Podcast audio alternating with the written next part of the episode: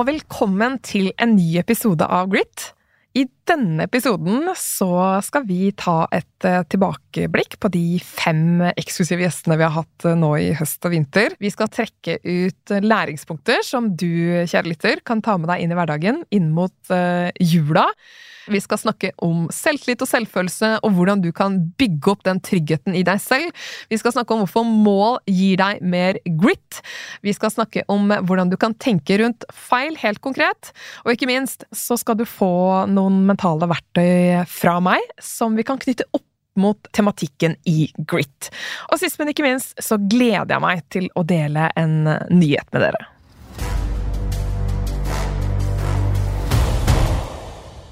Noe av det første jeg har lyst til å snakke om, er en eh, observasjon jeg har gjort meg, ikke bare i denne sesongen, men som egentlig har vært ganske gjennomgående hos veldig mange gjester.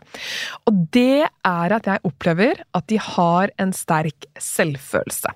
For det er veldig fort gjort å tenke at eh, disse menneskene som har oppnådd sterke resultater, de er gode på å gå ut av komfortsonen, våge mye nytt, de må jo ha masse selvtillit.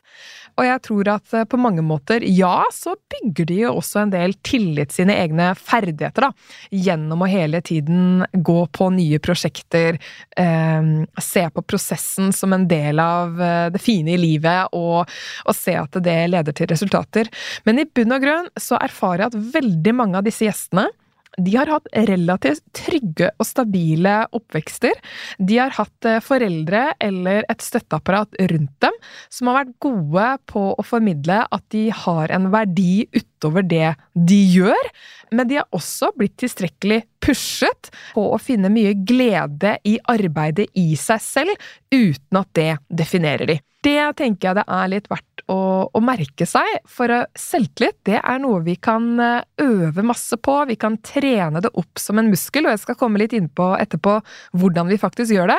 Men dette med å da ikke glemme selvfølelsesaspektet, det er viktig. Og hvordan er det vi bygger opp en eh, sterk selvfølelse? Jo, det er sant. En sterk selvfølelse, det bygger vi også selvfølgelig veldig mye gjennom oppveksten vår. Og i den grad vi klarer å bygge selvtillit også i jobben vår, eksempel, eller hva slags mamma eller pappa du er, etc., det påvirker jo også selvfølelsen. Men jeg tror det at dette handler også veldig mye om det selvsnakket vi har til oss selv, rett og slett vår indre dialog. Og det handler jo da også om å vektlegge det faktum at du er mer enn det du gjør, selv om veldig mange filosofer ville sagt at det er det vi gjør og handler på som sier noe om hvem vi er, så har vi alle noen grunnleggende intensjoner eller verdier i oss selv, som også setter føringer på handlingene våre. Og jeg tenker at det er vel så viktig at vi vektlegger de. Og så henger jo dette også sammen med at veldig mange av eh, de vi har snakket med i høst også, de vektlegger dette med å ikke bare f.eks. ha et nettverk innenfor det vi jobber innenfor. Jeg merker meg at de er veldig opptatt av å holde kontakten f.eks. med det de kan kalle sitt gamle miljø, altså miljøet de enten har oppvokst i, eller aldri glemme helt rødt røttene sine, som også Kjersti Hobøl sa, og som også nevnte masse rundt dette med at det å dra tilbake eh, til gården etter en lang arbeidsdag, gå tur med bikkja, snakke med mannen sin som er bonde, viktig i forhold til å bare hele tiden få perspektiver, også eksempel utenfor hennes corporate verden. Og vi kan jo også høre på hva Jarle sa om dette med å være bevisst på sitt uh, støttenettverk utenfor jobb. Det er et stykke fra det å ta sveisesertifikat på Moelven bruk og de menneskene du er sammen med der, til det vi holder på med nå. Og jeg liker godt å bruke tid med venner hjemmefra. Jeg liker godt å bruke tid med, med teamet mitt i Oslo. og jeg liker godt å bruke altså, jeg tror ikke noe på denne her med bare å holde liksom, i den, i den, på den kyniske siden. Nei. Jeg tror det, Der går du til slutt på akkord med deg sjøl, hvis du ikke klarer å holde den balansen i hva slags mennesker du har rundt deg. Dette med å prestere på sin arena, enten det er innenfor uh, kunst, kultur, idrett eller næringslivet, så er det noe med at skal du stå støtt i det over tid, så sørg for at du kjenner at du alltid har en verdi utover det du presterer på, og et verktøy for hele tiden klare å gjøre det, det er også det å ha andre interesser, f.eks. utover jobben din, at du har et nettverk utenfor også den arenaen du leverer på, og bruker tid på det også, på å ha kontakt med ditt autentiske jeg, og, og ikke bare den du leverer på, oppsummert. Du, snart er det jul, og julegaver skal kjøpes inn. Og til alle dere som lurer på hva dere skal kjøpe til han eller hun som har alt, eller som vil minimere dette evige jaget etter ting, her er løsningen. For DN har nemlig julekampanje der du kan kjøpe gaveabonnement i seks måneder til en veldig god pris. Og du kan velge å gi abonnementet i gave til noen andre eller til deg selv. Jeg skal definitivt vurdere dette til meg selv, fordi abonnementet gir full digital tilgang til artikler og alle DNs tjenester som vinsøk, vinkurs, webinarer om politikk og ledelse, nyhetsbrev, e-avis og investor for deg som er interessert i aksjeinvestering. Og dette får du for bare 990 kroner. Og det syns jeg er en god investering for å få masse ny kompetanse og innsikt. Og om du er glad i fysisk avis, kan du også legge til helgeavis med D2 og magasinet levert hjem fredag og lørdag for 1349 kroner. Og jeg må jo bare si at D2 et av Norges beste magasiner, definitivt. Du har altså mulighet til å velge bare digitalt abonnement, eller digital pluss helgeavis til meget gode priser. Så du, sjekk ut årets julegave på dn.no slash grit.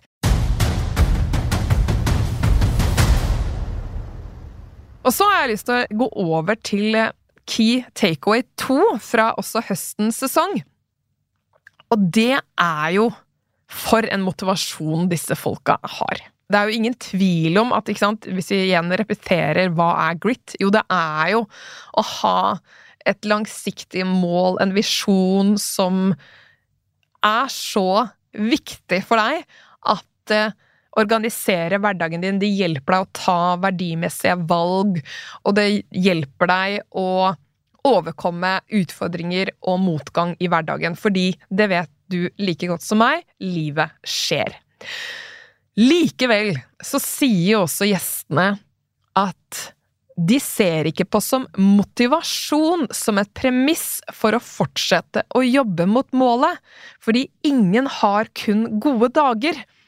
Og det tenker jeg er veldig viktig og interessant. Jarle, da, som vi hadde også sist her, og som dere også hørte nå i stad, han sa også veldig tidlig i episoden dette med at han han var glad også i det faktum å jobbe. Eh, Kjersti Hobbel også, hun sa dette med ære Du, bare det derre å se tilbake på en dag hvor jeg har gjennomført tre ting, kan være veldig viktig opp mot mestringsfølelsen og min selvtillit etterpå. Så her henger jo dette med mestring og selvtillit og motivasjon sammen. Det tenker jeg er veldig viktig å ta med oss. Så som jeg sa, dette med selvfølelse, dyrke den i bunn, er bra for oss. Og så er det noe med at eh, motivasjon, den kan vi påvirke ganske mye selv. Jeg skal komme litt inn på hvordan vi gjør det også. Men disse folka her, de sier også at eh, motivasjon er ikke et premiss for at jeg også skal klare å prestere bra. Jeg aksepterer at det er en del av livet, det å ikke alltid kjenne på motivasjon. Og jeg vet ikke om det kan oppleves eh, provoserende heller, men jeg tror også faktisk det er et sånn viktig aspekt å ha med seg i disse dager også. Altså, det er ingen tvil om det, at veldig mange bedrifter sliter.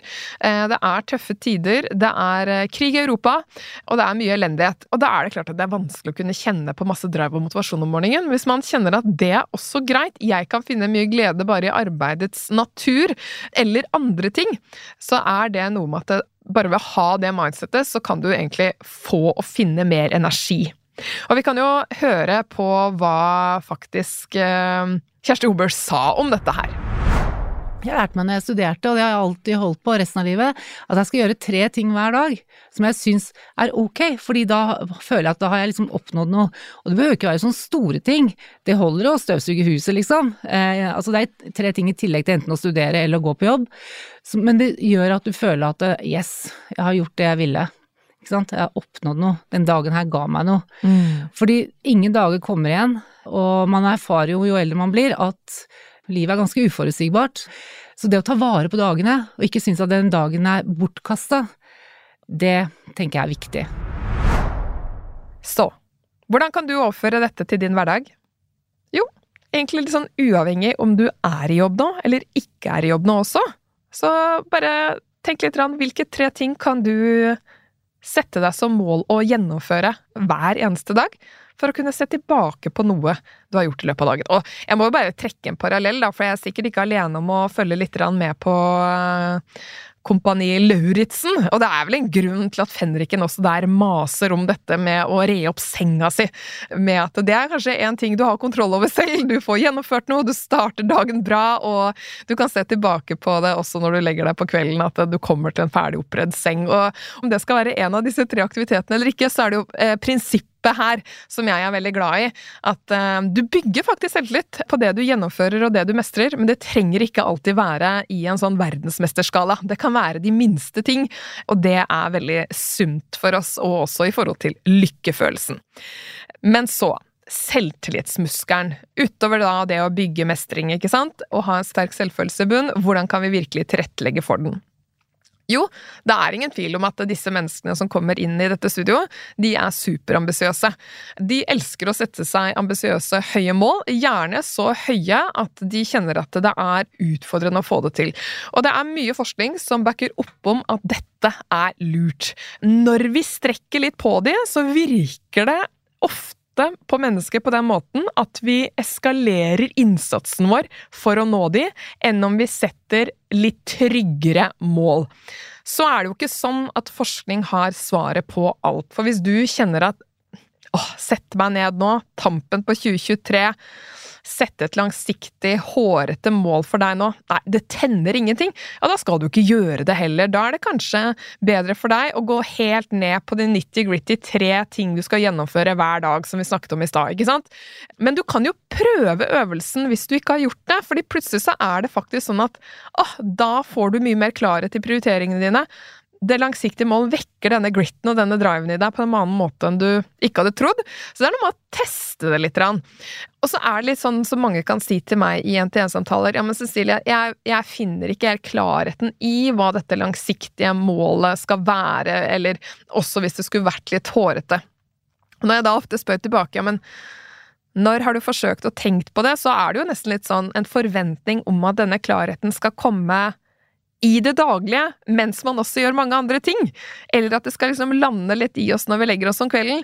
Og det er jo da uh, I hate to break it to you, men det er kanskje litt lite realistisk. Så jeg bruker å si det, at liksom, der du finner ro, finner du ofte klarhet. Så jeg tenker jo nå når vi går inn i jula, det er en veldig fin tid i å senke tempoet, stoppe litt opp, oppsøke steder der du ofte finner god energi, skogen, marka, ute i snøen, og tenke litt eksistensielt. Hva ville vært skikkelig gøy å oppnå over tid, som gir mening og motivasjon for deg? Det kan være et utviklingsmål, for eksempel. For det vil gi deg retning, og det vil stimulere til handling. Og det er veldig mye forskning som i hvert fall sier at får du til dette her, så vil du både mobilisere energibruken din, du vil også øke utholdenheten din, og du vil være mye flinkere til å rett og slett lære av dine egne feil. Og så må jeg si at jeg er nok mest fan av å bryte ned disse langsiktige målene, uansett hva det er, ned i enten utviklingsmål, som sier noe om hva er det jeg har lyst til å utvikle meg på, eller trene på på å bli bedre, for det syns jeg er gøy, eller bryte det ned i enkle prosessmål, som vil egentlig si hva er det jeg ønsker å trene på hver uke for å bli bedre, som jeg finner mening i, og som er innenfor min kontroll stress, eller negativ stress, er jo ofte da sant, en følelse av å ikke ha kontroll. Så når vi tar tilbake kontrollen over eh, hva vi ønsker å forbedre oss på, og som vi finner mening i, så bygger vi mestring, vi tar kontroll på negativ stress, og så opplever vi progresjon. Og det tenker jeg er nøkkelen til også hvorfor veldig mange av de som er i studio her, bygger opp en selvtillit, selv om de sier at det, den er jo ikke konstant. Jeg må først og fremst bare ha tro på at hvis jeg våger å gjøre nye ting, trener tilstrekkelig på det over tid, setter meg ned, er ærlig med meg selv og ikke er redd for å feile, så får jeg til dette her. Har du lyst til å lære mer om mentaltrening og grit? Da kan du lese mer i boken min Mental styrketrening, eller boken Stå støtt som kom ut i 2021. Du kan også gå inn på rawperformance.no og lese mer om hva vi tilbyr av tjenester der. Alt fra én-til-én-samtaler, kurs, foredrag og utdanning. Og da, kjære lytter, da er vi over på egentlig key takeaway 3 også. Fordi jeg har med vilje tatt opp dette spørsmålet med samtlige gjester i år. Hva med frykten for å feile, da? Hvorfor tør du å gå så ut av komfortsonen og ta risiko, levere på prosjekter du aldri har gjort før? Jeg tenker sånn som for eksempel vår første gjest nå i høst, Joakim Rønning, som er stor stjerne i Hollywood. Altså, det er jo Helt utrolig hva han uh, har fått til der. Det er et nåløye å komme seg gjennom. Og har jo virkelig klart å overkomme denne frykten for å feile. Men han var jo veldig kul på det i episoden og sa at vet du hva, jeg er egentlig så Jeg liker egentlig den følelsen av ubehag så dårlig at jeg jobber også rett og slett bare veldig hardt. Jeg forbereder meg veldig godt, sånn at jeg hele tiden kan se fremover og kjenner mer på mestring. Og det syns jeg er veldig ærlig og bra sagt, fordi at uh, han kunne hatt et annet valg der og resignert, satt seg ned, rett og slett tenkt at det her får nå bare gå som det går. Men han tenker egentlig som så at hvis jeg er nervøs for dette her, så må jeg i hvert fall øke innsatsen litt for å sørge for at jeg kommer godt forberedt. Og i ni av ti tilfeller så fungerer det rett og slett å forberede seg veldig bra og levere på det man gjør. Så man kommer jo ikke utenom denne innsatsen. Så har dette også veldig mye å gjøre med igjen den indre dialogen vår og vårt eget selvsnakk. Og vi kan jo høre hva Christer Røseth sa om dette med å feile. Ja, men hva er konsekvensen av at du glemte den ingrediensen? Ok, den smakte kanskje litt annerledes, men sånn i det store bildet, da, i det livet du skal leve, hvor mye av livet ditt skal du bruke på å tenke på at du glemte å ha i den lille sitronsaftskjea? Ja, men det er det jeg mener, da. ja, altså, godt eksempel. jo, men det er jo, det er jo sånn mange, mange ting ja. som vi henger oss opp i i livet. Altså, jeg, jeg, jeg orker ikke det. Så man hører jo her at det som hjelper eh, f.eks. Christer, da, som må på et vis levere hver eneste gang Altså en feil for han vil jo resultere i at kunden eh, f.eks. sender tilbake retten, eller at den gullmedaljen eh, ryker i VM. Så jeg tror ikke han kjenner på det, men hvis han ikke på et vis aksepterer at det er en del av gamet og våge seg utpå med dette her, så hadde han jo heller ikke trivdes i jobben sin. Så det er jo noe med det, da, kjære lyttere, at vi bare noen ganger stopper opp og reflekterer litt hvordan skal mitt forhold til feil her i livet være? Er du overbevist om at det er krise å gjøre feil, så er det klart at det, jo, det blir jo nesten som en selvoppfyllende profeti som hele tiden vil skje, kontra om du øver deg på å utfordre den tanken. For hva ville du eksempel rådet en god kollega om å tenke rundt en situasjon med dette å gjøre feil? Da hadde du sannsynligvis nyansert deg litt, og kanskje ikke vært så rigid eller streng med deg selv. Så det er jo noe med å bare øve seg på det, og være god på både også omgi deg med andre mennesker som har det en kultur eller et mindset knyttet til dette å gjøre feil, som spiller deg god. Og så er det jo ikke til å stikke under stol at disse menneskene som kommer her i studio, de gjør jo sjelden de samme feilene to ganger. De er veldig gode på å lære av feilene sine. Og jeg tenker det er to ting som vi alle kan øve på for å være gode på å håndtere feil. Og det ene er jo at eh, vi tenker gjennom i forkant hva er det som kan gå feil her, når jeg nå skal gjennomføre oppgave X. Eh, hva er det som rett og slett kan gå skikkelig gærent? Og hvordan ønsker jeg å forholde meg til det hvis det skjer tross alle forberedelser? For det, kan, det er fortsatt veldig mange ting som er utenfor vår kontroll. Og har du allerede spilt av den filmen i hodet ditt på å se på ulike strategier for hvordan du skal overkomme utfordringer og feil, så vil jo du reagere også mye mer med en større ro når det skjer. Det andre er jo at du stopper opp og evaluerer. Og jeg mener jo at evaluering er et av de viktigste mentale verktøyene vi har. Men da er det jo også litt viktig at du evaluerer de oppgavene som du vet har hatt stort påvirkning på prestasjonen din i utgangspunktet. Så en evaluering med masse kvalitet, den henger jo sammen også med forberedelsene dine. For eksempel hvis du skal holde en presentasjon på jobb, og du ikke har bestemt deg for hvilke to-tre punkter det er viktigst at du fokuserer på i den presentasjonen, så er det ikke noe vits i å nesten evaluere det etterpå heller.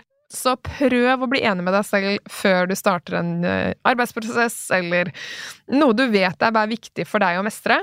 At du eh, går inn i situasjonen med et klart eh, formål, og så kan du evaluere det i etterkant, og da helst noe som er innenfor din kontroll. Og på den måten så tar du kontroll på evalueringen, og du blir heller ikke så opptatt av f.eks. anerkjennelse fra andre. Og det er jo også et perspektiv jeg gjør meg etter å ha snakket med mange av Grit-gjestene, også de i høst, at de er jo primært veldig indre motivert. Vi kan jo f.eks. høre hva politimester i Oslo, Ida, sa om akkurat dette med motivasjon man kunne jo tenke seg at man tok denne jobben og tenkte at nå skal jeg bare seile rolig inn i pensjonisttilværelsen og nyte at jeg liksom uh, sitter her med gull på skuldrene. Det har aldri vært viktig for meg i det hele tatt. Det gullet på skuldrene, det bryr jeg meg ingenting om. Det jeg er opptatt av, er at denne jobben gir meg noen fullmakter til å få ting til. Og jeg syns jo det er veldig motiverende, jeg, da, å vite at vi har en politimester som eh, først og fremst eh, bryr seg om innbyggerne og de ansatte i norsk politi, og ikke stjernene på skuldra. Det tror jeg er veldig, veldig bra. Og apropos dette med å også være trygg i seg selv da, og først og fremst være indremotivert, så har vi et annet eksempel, og det er jo også da fra Joakim Rønning. Vi kan høre hva, hva han sa på hvordan dette kommer til uttrykk på et sett i Hollywood, når du har med Johnny Depp og Angelina Jolie å gjøre jeg har ikke noe markeringsbehov i den forstand. Altså når jeg jobber med, altså Amerikanere er jo kjente for å ha et markeringsbehov. Mens her kommer jeg liksom uh, from Norway og, liksom, og er litt sånn avvæpnende. Så er det én ting jeg også har lyst til å highlighte. Og det er en type enten mentalitet uh, eller et fokus som jeg også tror er veldig viktig at i hvert fall vi som jobber eh, som beslutningstagere, har med oss inn i hverdagen nå. Og det er at vi jobber litt med å tørre å ta beslutninger og ha en sense of urgency. Altså, fortell meg den gjesten i Grit som ikke har vært utålmodig. Jeg tror samtlige har et snev av utålmodighet i seg. Og det kan jo på mange måter være et lite personlighetstrekk, men min erfaring også er at det er et type atferd du kan øve deg på også. For jeg har sett nok av også både venner, familie og bekjente som er ganske tålmodige som personer, men som er veldig gode på å få opp denne sense of urgency når det brenner litt på dass. Og rundt omkring nå så er det faktisk en del krisepsykologi og kriseledelse som vi trenger å få inn i i hvert fall næringslivet. Og også idretten, enten det handler om å beholde en plass i, i ligaen eller ikke. Og da må du våge å ta beslutninger veldig ofte uten et stort eh, beslutningsgrunnlag, som også jeg mener Ida har snakket veldig, veldig bra om, og som hun fikk eh, trent masse på under eh, Geidrum. Og vi kan høre litt på hva hun sa om det. Jeg er forberedt på å ta feil. Jeg vil alltid gjøre mitt ytterste for å unngå det, men jeg kan ikke være redd for det. For da kan det være at jeg unngår å ta beslutninger som får katastrofale konsekvenser nettopp ved at man ikke tar en beslutning. Og så syns jeg jo at det var litt gøy å høre at eh, Kjersti Hobøl hadde selvinnsikten på, å vite når utålmodigheten også fikk litt overslag, i form av å avbryte um, andre i teamet sitt. Og så er jeg veldig dårlig på lange utredninger. Hun HR-sjefen min hun sier at eh, hvis jeg begynner å vippe med den ene foten, da er det bare å komme til poenget, for da Da skjønner hun at skjønner at jeg, bare kom med sånn er problemstillingen, her er forslag til løsning, og så kan vi heller diskutere. Så det har jeg virkelig trent på, å ikke avbryte. Men det holder hardt noen ganger, og da vipper den foten veldig. Så har jeg også lyst til å snakke om en siste ting, og det er viktigheten av å hvile. Det har også veldig mange av gjestene i Grit eh, pratet om i år. Det er veldig fort gjort å være i faresonen for å både bli utbrent, men også rett og slett miste energi og glede rundt det du gjør, når eh, engasjementet tar overhånd og du jobber rett og slett for mye. Så det å finne luker i hverdagen for næring utover jobben i seg selv er viktig, og det å identifisere dine styrkekilder til det er også viktig. Og så må jeg si at jeg syns det var litt herlig å høre at Joakim Rønning også på samme måte som Erna Solberg måtte innrømme at vet du, ja, det er faktisk noen ganger en liten fordel også å være litt lat, prokastinere noen ting. Og du hadde også Ida Øystese, som eh, hadde sin egen eh, sovestrategi. Så er du litt mer nysgjerrig på hva gjestene sa om det, så lytt gjerne til slutten av hver episode, stort sett. Det er stort sett da jeg også går innom den faktoren. Så vi har snakket om viktigheten av å ha et eh, bevisst forhold til hvordan du kan både bygge selvfølelse og selvtillit. Vi har snakket om viktigheten av å kanskje ikke tenke på at motivasjon er et premiss for å jobbe og ha det bra. Det vil svinge, så finne en aksept i det og like arbeidets natur og viktigheten av å bare vite at vi har gjennomført noe i løpet av en dagen, det gjør masse med mestringsfølelsen, og da kommer ofte motivasjonen underveis. Du har fått noen tips på hvordan du kan eh, leke deg med ulike typer mål, og at dette henger sammen med alt fra både fokus, innsats og det å overkomme utfordringer. Vi har snakket om eh, frykten for å feile, og jeg tenker jo at neste gang du gjør det, så utfordre litt din indre dialog. Hva ville du rådet noen andre til å tenke rundt dette? Hva er forholdet ditt til det å gjøre feil? Husk på at vi blir veldig påvirka av omgivelsene våre, så det å omgi oss med mennesker som har eh, en konstruktiv måte å se på dette med å gjøre feil på, er lurt. Da får vi en egen mentalitet på det. Fin smitteeffekt. Sense of urgency det blir viktig fremover, folkens. Det tror jeg på. En sunn en, uten at det skal få overslag. For det er jo også viktig å si her. Alle disse tingene kan jo få overslag og jobbe mot oss. Så det er jo noe med å finne balansen i dette her. Men det er jo her jeg også opplever at gjestene i Grit er ekstremt jordnære, lette å komme på nett på. De byr på seg selv, og ser på seg selv på ingen måte som sånne supermenn eller superkvinner. De gjør feil hele tiden, de ene, og har veldig god selvironi, og det, det syns jeg er veldig, veldig gode tegn. Så helt avslutningsvis så har jeg lyst til å lansere en nyhet, fordi rett og slett på nyåret så kommer jeg med en ny bok. Jeg har skrevet og sendt inn manus. Det er Aschehoug som eh, står også for, eh, for den. Det er min tredje bok, og jeg gleder meg på nyåret til å lansere både temaet Jeg syns den er samfunnsaktuell. Det er et tema vi også har vært gjennom i Grit og som henger veldig mye sammen med hvordan vi alle kan utvikle mer grit. Følg meg gjerne på sosiale medier, så skal du både få link til forhåndssalg og ikke minst mer informasjon om boka. Tusen takk for at du lytter til Grit. Liker du podkasten? Gå inn og gi den fem stjerner på Apple. Trykk abonner, og del den med venner og bekjente. Riktig god førjulstid.